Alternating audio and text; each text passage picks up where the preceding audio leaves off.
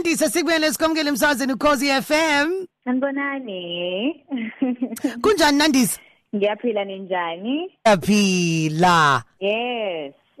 Nandi awusitshele sis yini kususa ePort Shepstone ikiyise le ko Vietnam. Amathuba uh, ithuba lavela nje ukuthi ngihambe ngase ngabona ukuthi vele ngumuntu okuthandayo ukutravela nokubona amanye abazwe. Eh so ngabona ukuthi mangiqeda ke izifundo zami angivele ngihambe ngiye ngiyobona ukuthi yini esipha ekhona ngaphandle Okay and then ukudla yini ozoyidla namhlanje ebusuku? Mm ngisengidlile ngidle irice elileqanda inyama konke kungaphakathi Ima wenandi inyama yakhona ngale ihlukile neyethu ngalana ngendlela mhlawumbe enambitheka ngayo.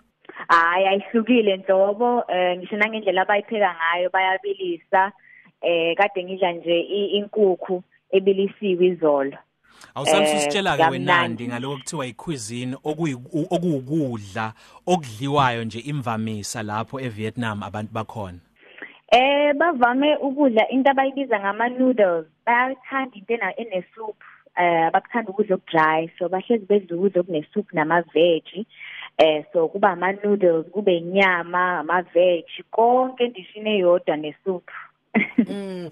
Kuyiqiniso ukuthi khona abaphinde bedla maselesele khona lapha eVietnam. Hey nami ngithuke kabi bakhona impela eh nabadla lokho kwama insects. Okay. Eh bakhona nje.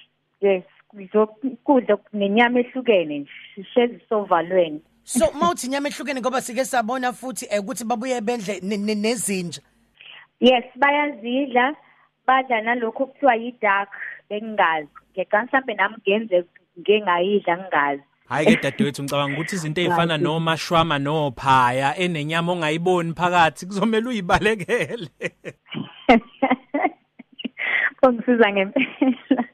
Wena ndawusitshele sisi njengoba usuke eningizimu Afrika yini into yokuqala eyakuhlaba umxhwele?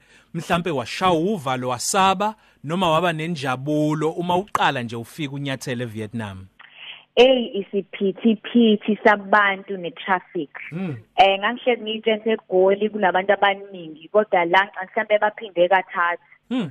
eh and wonke umuntu ushayela isithuthuthi iyona ndlela nje esi esi kwazi ukugibela ngayo wekho ama taxi ayikho irank azikho imoto eziningi noma zikhona but sigibela isithuthuthi Eh ngingakaze ngisigibele isithuthu ngabona hawu ngiyafake manje. Hmm. Ake sibuke ke manje ke isimo somnotho sakhona eVietnam. Simi kanjani? Lizwe elinjani? Ikhona imali, eh bahluphekile, baxakekile, kwenzakalani? Awusethu sibeke nje sithombeni. So they are what we call a developing country. So kancane kancane umnotho wabo uyakhula. eh nanokuthi i-tourism industry yabo iyakhula so abantu abaningi sebeyeza ke and siyazi ukuthi abantu mabevakashela eh i-country umnotho wabo uye ube ngcono noma uyakukhulisa yabo? So eh kona ke kukhona indawo ehluphekayo kakhulu nabantu abahluphakayo but ke overall ngisho ne cost of living yakhona izinto ishibhile kakhulu. Eh in fact kushibhe ngisho kunasekhaya. Eh so siyabusa ke thina ngala. Ukudla eh impahla zokugqoka eh imali nje oyisebenzisayo utravela konke nje ku cheap kakhulu. Awushoke manje ke njengoba uthi kushibhe ukudlula la ekhaya eningizimu Afrika ufike wena waba nemali wacaphuna kwasala? Awu ngisigwili I know ngiyadlala kona kushibhile but ke phela ubuye uphose nangasekhaya yebo le uphile nje ukwazi ukuphila ubeke uphinde uphose ngasekhaya. So kuyanela nje ngikwazi ukuphila konke. Izwe laseVietnam nandi ngiyazi ukuthi unezinyanga ezishagalombili ulapho. Siyalazi ukuthi like la yizwe la khona kube khona impi esikhathi eside iCold War. Ngaba sakhona yini amachaphezelo ezimpi? Ngabe mhlambe kusayinto eyenza ukuthi abantu baphile bethukile noma kudala kwaphela? Hayi eh mangibuka eh ngoba siye sayovakashela ngisho nemuseum yabo la eh banezithombe zewo besichazele ukuthi kwenzakalani kwenzakalani ngaleso sikhathi. Eh and sekubonakala engathi kona sekungcono manje asekho there is no war um nokulwa nokutheni abantu abaphili besaba. Eh sekungconyana kakhulu.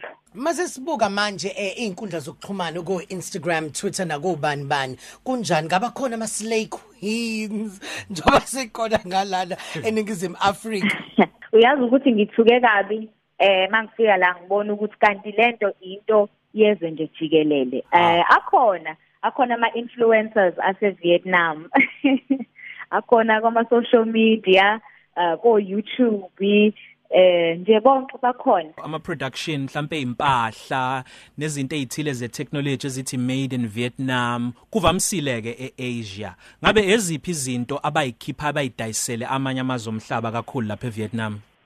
Eh kakhulukazi i-textile industry impahla njengobusho eh and ama brands so o Adidas bonke benziwa lana.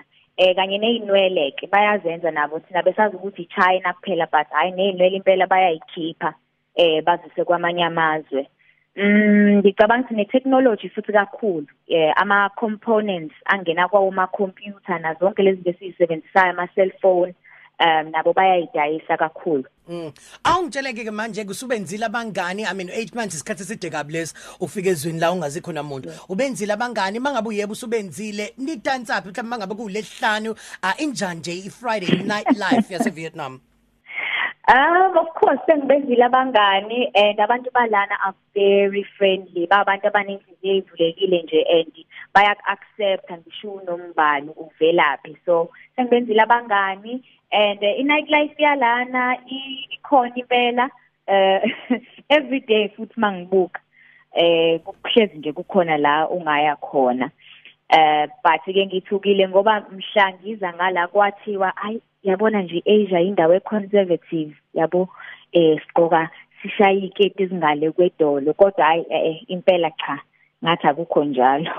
Bemnani kakhulu nandi sisi inkulumo yethu. Kodwa ngaphambi kokuthi sikubuze ukuthi ubingelela uthini uvalelisa uthini usho kanjani ukuthi ngiyabonga.